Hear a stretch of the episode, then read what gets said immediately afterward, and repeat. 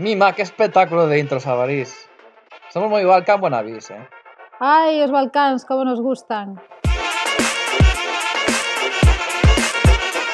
Benvidos ao segundo capítulo de Fora de Mapa, no que vos imos falar dos Arberexe. Bueno, Juan, o primeiro moi ben, non? Sí, non? Foi o espectáculo máximo.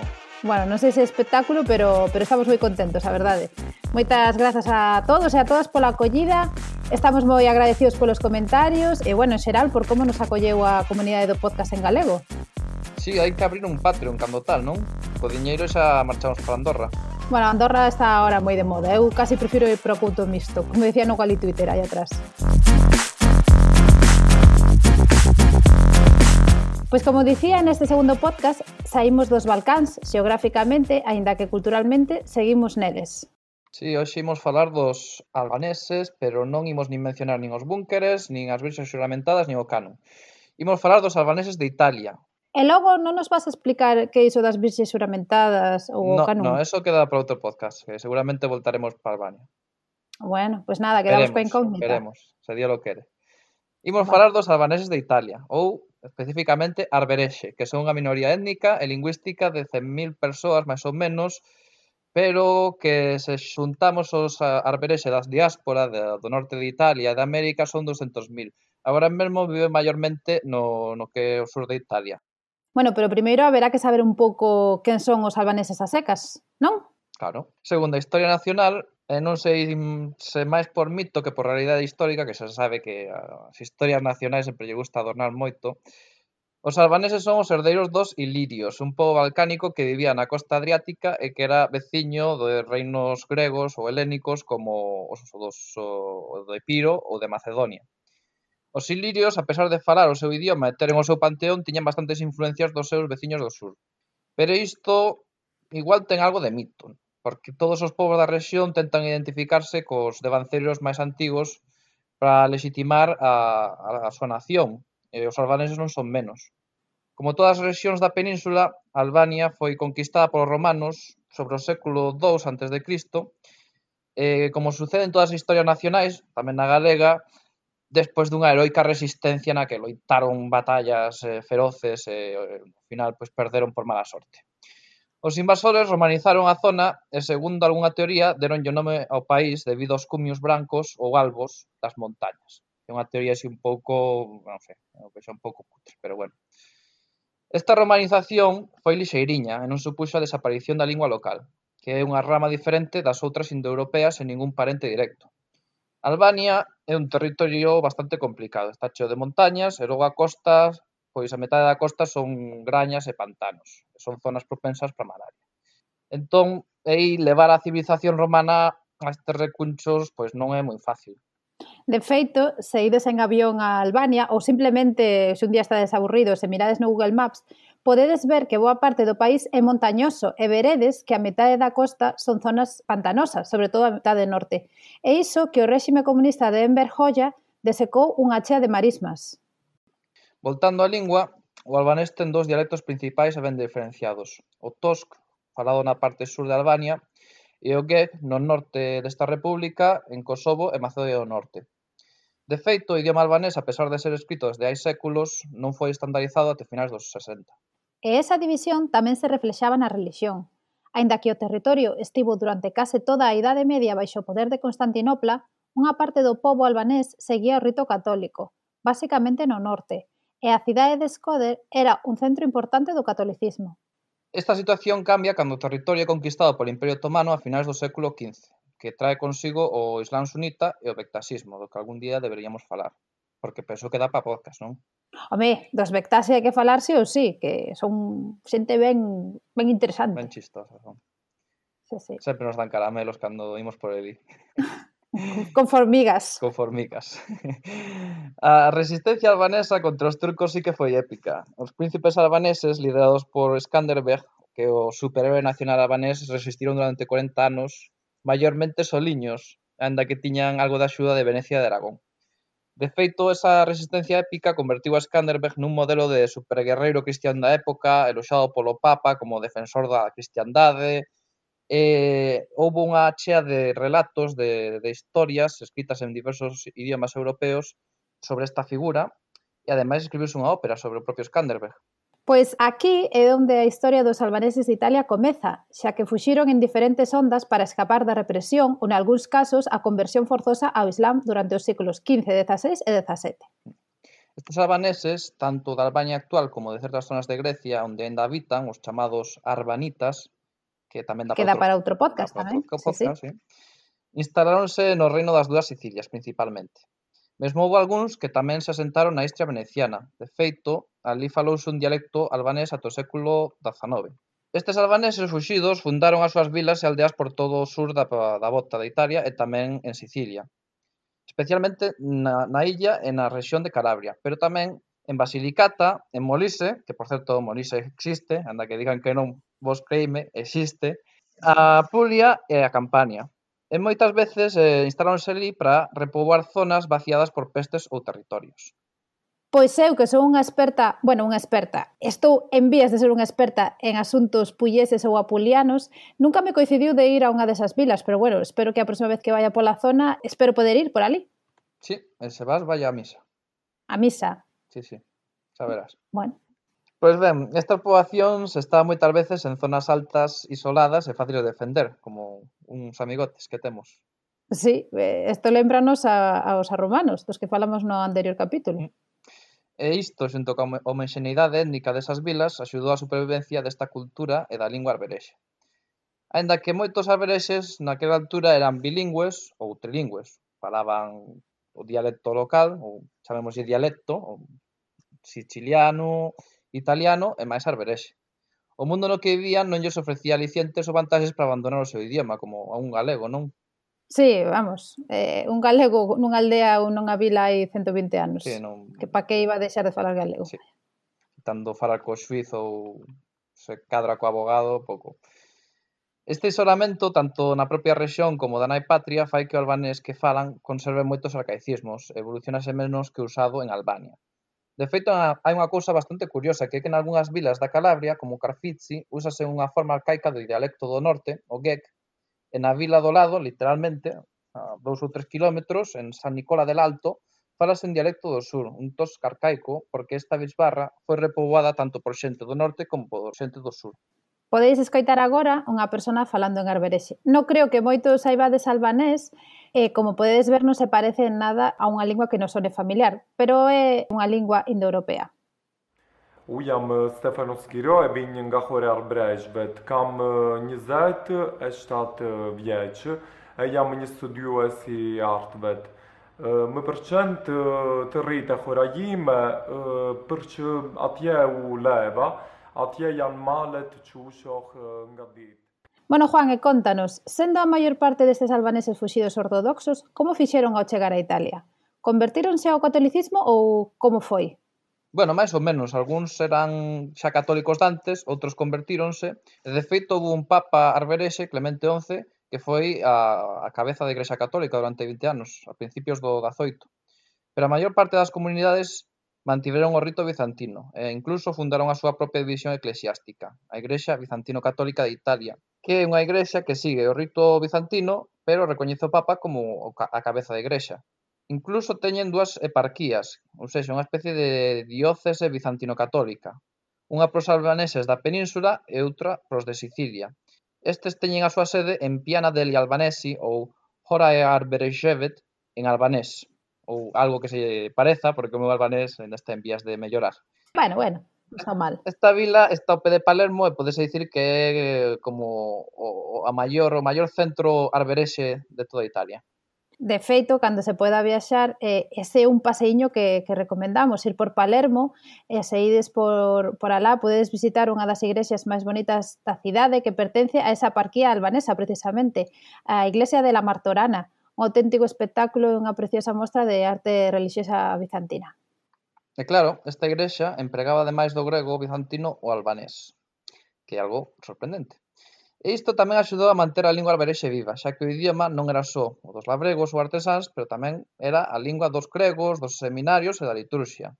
De feito, religiosos arberexes participaron no rexurdimento nacional albanés que logo deu na independencia do país e moitos outros tiveron un papel moi importante na reunificación italiana.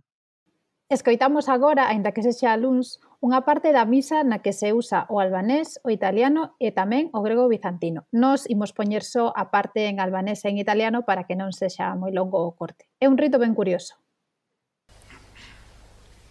Bekogozot E bekua regiriati te birite de spiritit soit Nani e përher e no jetë jetë vetë Occorre guardare, cari fratelli e sorelle, con speranza al futuro, perché la Chiesa italo-albanese e gli albanesi tutti hanno un grande avvenire, sia dal lato spirituale religioso che da quello culturale, sociale e umano. A pesar de que o clero alberexe tiña unha certa formación, a maior parte dos alberexes eran analfabetos e a pouca cultura escrita que creaban era en italiano. Pero aínda así, o pobo alberexe xerou unha chea de obras de transmisión oral. De feito, unha figura fundamental do resurtimento albanés foi Girolamo de Irada. Este señor compilou unha chea de, de poemas orais. O autor, nado en Cosenza, na Calabria, a principios de, da, do século XIX, recolleu estas cantigas no seu Poesía albanesi del século XV. Neste momento tamén é cando se crea o primeiro xornal alberexe, La Albanese de Italia. Por certo, a que non sabes que político italiano de orixe alberexe? Pois non sei. Agora dirásme que, non sei, Mussolini. Pois non. Foi o seu archenemigo Antonio Gramsci, o líder dos Vaya, comunistas fume, italianos. Vaya, fume outra punta, case. Ou sen case. E con todo isto chegamos ao século XX, onde a vitalidade da comunidade xa era máis fraquiña debido a varios procesos. Se cadro máis importante foi a migración, a migración masiva a América que afectou a todo o sur da, da bota e esta diáspora alativo a súa relevancia. Mesmo fundaron a súa propia diócese en América. Ademais, co avance do século XX tamén se estendían as estruturas do Estado italiano que impuñan a lingua, a historia e identidade nacionais e deixaba de lado a minorías como a albanesa que durante décadas tiveron que resistir a hexemonía do italiano sen ningún tipo de protección legal. Pola contra, xa despois da Segunda Guerra Mundial, o réxime comunista albanés de Enver Hoxha si buscou establecer certos contactos con becas de estudio en Albania ou unha certa cooperación cultural con esas pequenas comunidades que nese momento da historia debía ser como cando che ven así o primo perdido da Argentina de visita e tú nin te acordas de ir, eh, parece che por aí, pola casa. Bueno, a principios dos 90 xurdiron novos problemas ao chegaren miles de albaneses fuxidos da Albania poscomunista. Se, seguro que lembrades esas imaxes dun barco ateigado de xente chegando ao porto de Bari que, bueno, deron un pouco a volta ao mundo. Pois se ben eran o mesmo pobo, había grandes diferenzas tras centos de anos de separación. E por outra banda, estes novos albaneses tiñan o estigma de seren máis pobres e, digamos, paduanos. Estigma que lles facía e aínda lles fai hoxe en día a moitos esconder a súa orixe. Sí, de feito, eu que andive moito por Albania últimamente, puiden ver moitos pais con moitos pais emigrados, con fillos, e os nenos só falaban italiano. E eu penso que é algo que é común aos portugueses emigrados na França, os ADEX, que tamén non normalmente non transmiten a lingua portuguesa aos fillos, supoño que por un complexo de inferioridade, por pretender eh, integrarse ou asimilarse ao povo francés e á clase media francesa. Bueno, é que tú tamén imagina a un albanés despois de 45 anos de estalinismo radical chegando a Italia de Telecinco, de Sabrina, de das Mamachicho, de Roberto Ballo, bueno, eso debe ser como chegar a outro planeta, prácticamente. Sí, os meus pais, eh, cando emigraron a Alemanha, eran gastarbaitas, eh, viñan dunha aldea remota na Raya Seca e chegaron ali o centro industrial europeo. Non sei, tamén debía ser un cambio bastante importante. Pois este estigma e falta de autoestima por parte de moitos albaneses inmigrados non é algo que suceda cos arbelexe. Eles están perfectamente integrados na sociedade italiana e son moito máis fiéis á súa lingua e cultura. E, de feito, eles resaltan con moito orgullo que son moito máis formais que os seus veciños italianos, porque sempre cumpren as súas promesas. E palabra de albanés, eso vai a misa. Para eles, unha promesa é algo máis sagrado que para nós. É o que lle chaman besa, e sempre a cumpren. Non son uns alicates como os veciños de arredor. Hoxe en día hai máis iniciativas para salvaguardar e divulgar a lingua berberexe e ademais existe moita máis relación entre as comunidades tanto italiana como da nai patria en Albania. Pois precisamente sobre isto, sobre a lingua arberexe e a súa situación actual, e en xeral sobre a situación das linguas minoritarias en Italia, tivemos a ocasión de falar coa investigadora e doutora en sociolingüística pola Universidade de Pavía, Hilaria Fiorentini, que é ademais profesora na Universidade de Boloña. En primeiro lugar, contounos como é a protección legal e un pouco controvertida das linguas minoritarias en Italia e en especial do arberexe. Escoitámola. La legge eh, che in Italia protegge le minoranze linguistiche e la legge... A lei que en Italia protexe as minorías lingüísticas é a Lei 482 do 1999, pero foi moi criticada porque é moi ríxida. A lei presenta un elenco de minorías e as normas para a súa protección aplícanse só a estas minorías todas as demais linguas faladas no territorio italiano, incluendo os dialectos e tamén, por exemplo, a lingua romaní da poboación romaní e sinti, non están protexidas. Tampouco están as novas minorías lingüísticas, as linguas dos inmigrantes. A maior crítica á lei ven porque a selección fíxose sen explicitar os criterios con que as linguas foron seleccionadas. Por exemplo, son linguas protexidas pola lei o friulano e o sardo, pero non o son o lombardo ou o piemontés. Estas linguas, o friulano e o sardo, foron consideradas linguas en virtude de factores ideolóxicos, sobre todo relacionados con fortes conexións identitarias e reivindicacións históricas, pero non hai un motivo real ou claramente especificado. Entre estas doce linguas protexidas está o arberexe, que en Italia falase en varias rexións meridionais, Hai comunidades arberexe en Molise, en Basilicata, en Puya e en Campaña, pero as comunidades máis poboadas e importantes encóntranse en Calabria e en Sicilia. Ademais, hai un detalle importante, e é o feito de que en Calabria e Sicilia existen tamén leis a nivel regional, polo tanto, a lingua está tamén titulada a nivel regional e non só nacional. Tutelate a livello regionale. Pero existe unha situación que nos sonará familiar, non hai un consenso sobre que estándar usar. La questione dello standard, diciamo che eh, non è lo standard albanese, non c'è un vero... Con respecto á cuestión de estándar, digamos que non é albanés, pero tampouco hai un arberexe. A cuestión do estándar é outro problema para as linguas minoritarias italianas, porque a maior parte delas, ou case todas, non teñen un estándar propio, e iso é un problema, sobre todo pensando no ensino das linguas. Dentro da comunidade arberexe non hai unha postura clara sobre se adoptar o estándar albanés ou se propoñer un estándar para as diversas variedades faladas en Italia. Standard per le diverse varietà parlate in Italia. Algo como debate rajagal que levamos vivindo en Galicia décadas. E imagino que eles tamén terán debates online sobre que normativa usar como aquí. Eh, ao final, en todos os podcasts que imos facendo, sempre aparecen paralelismos co, sí, sempre. coas, con eses povos e, e o noso. A profesora Fiorentini tamén nos explicou como e canto é coñecido o povo arberexe eh, entre os propios italianos. Io eh, vi devo dire... Teño que dicir que non. Na miña opinión, non. A nivel local, naturalmente, sí, no que respecta ás rexións onde está presente, como por exemplo Sicilia, onde o arberexe falase moito na vila de Piana de Albanesi, e ali sí que se coñece, e na rexión en xeral sí hai un mínimo de coñecemento. Pero a nivel nacional, na miña opinión, existe moita ignorancia sobre as linguas minoritarias. En xeral, a xente descoñece a súa existencia. E bueno, por último, falounos dunha problemática que mencionábamos antes, que é que os novos inmigrantes en Italia, os albaneses e tamén de outros sitios, evitan falarlle as súas respectivas linguas aos fillos. E, en xeral, tamén nos comentou os estereotipos que aínda existen en Italia respecto a linguas minoritarias.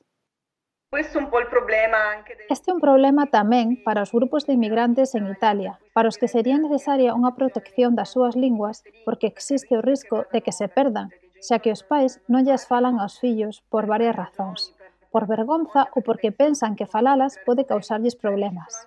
En Italia hai moito prexuízo respecto ao plurilingüismo, porque pensase que, a parte do inglés, que sempre é vista como a lingua que é necesario saber, Falar tantas linguas pode crear problemas. A Lei 482 garante o ensino das linguas minoritarias na escola, pero moitos pais son contrarios, porque pensan que se na escola se estudia o arberexe ou ladino ou outra lingua minoritaria, despois os nenos non serán quen de aprender ben o italiano.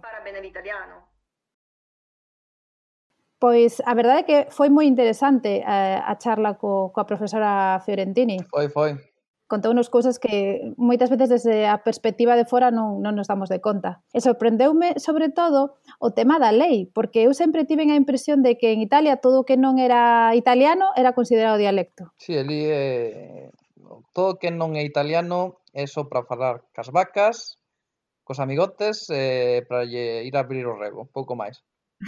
Sí. Bueno, é que é curioso, como en moitas zonas a xente fala no seu dialecto, están moi orgullosos del, Pero despois non é necesario divulgalo ou protexelo. É como se vise normal a situación da lingua como subalterna ao italiano. Unha cousa moi rara, verdade? Bueno, aquí en Galicia tamén hai algún así.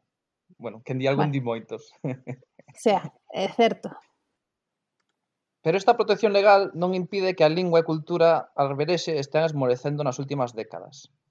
En boa parte, pola falta de oportunidades desas zonas, que obriga a xuventude tanto Arberexe como do sur de Italia en xeral, a emigrar ao norte ou a centro Europa.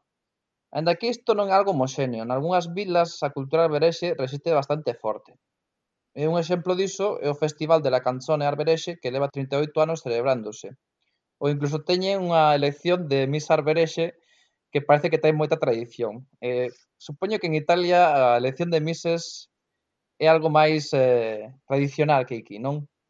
Bueno, no sur, sobre todo, supoño que aínda aínda se resisten a deixar esas cousiñas atrás. Pero bueno, aos arberexe pasamos yo.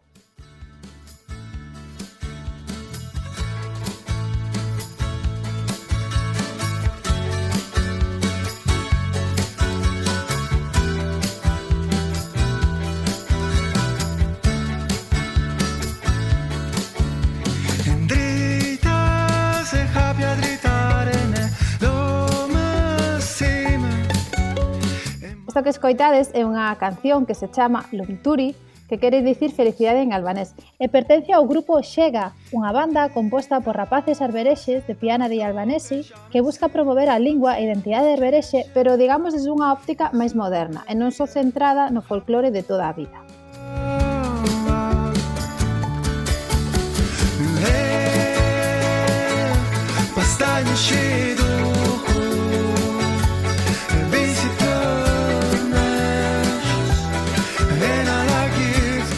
E até aquí chegou o segundo capítulo de Fora de Mapa, adicado ao arberexe, un pobo totalmente descoñecido para min, e isto é unha das cousas que máis me gustan de facer Fora de Mapa, que con cada capítulo pues, aprendo cousas novas. Espero que vos tamén.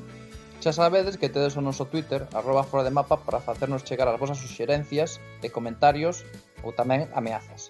Tamén podedes contactarnos no noso email fora de mapa podcast arroba gmail.com decimos tanto das ameazas que ao final van ser verdad. Eh, sí. Os do sur de Italia van nos mandar aí un andrángueta por dicir cosas malas sí. delas. Bueno, non digas moi alto por si acaso. Bueno, nos voltamos dentro de 15 días para falar dun novo povo, os rutenos ou rusin. Sí, é un povo eslavo que vive entre Polonia, Eslovaquia e Ucraína e algúns anaquiños pequenos de Hungría e, e Rumanía Pero non imos falar deles, senón tamén da Rutenia en xeral e de como un concepto xeográfico étnico varía dependendo da época. Bueno, pois pues, eh, agardámolo. Nos escoitámonos para a próxima. Mire, Paxim.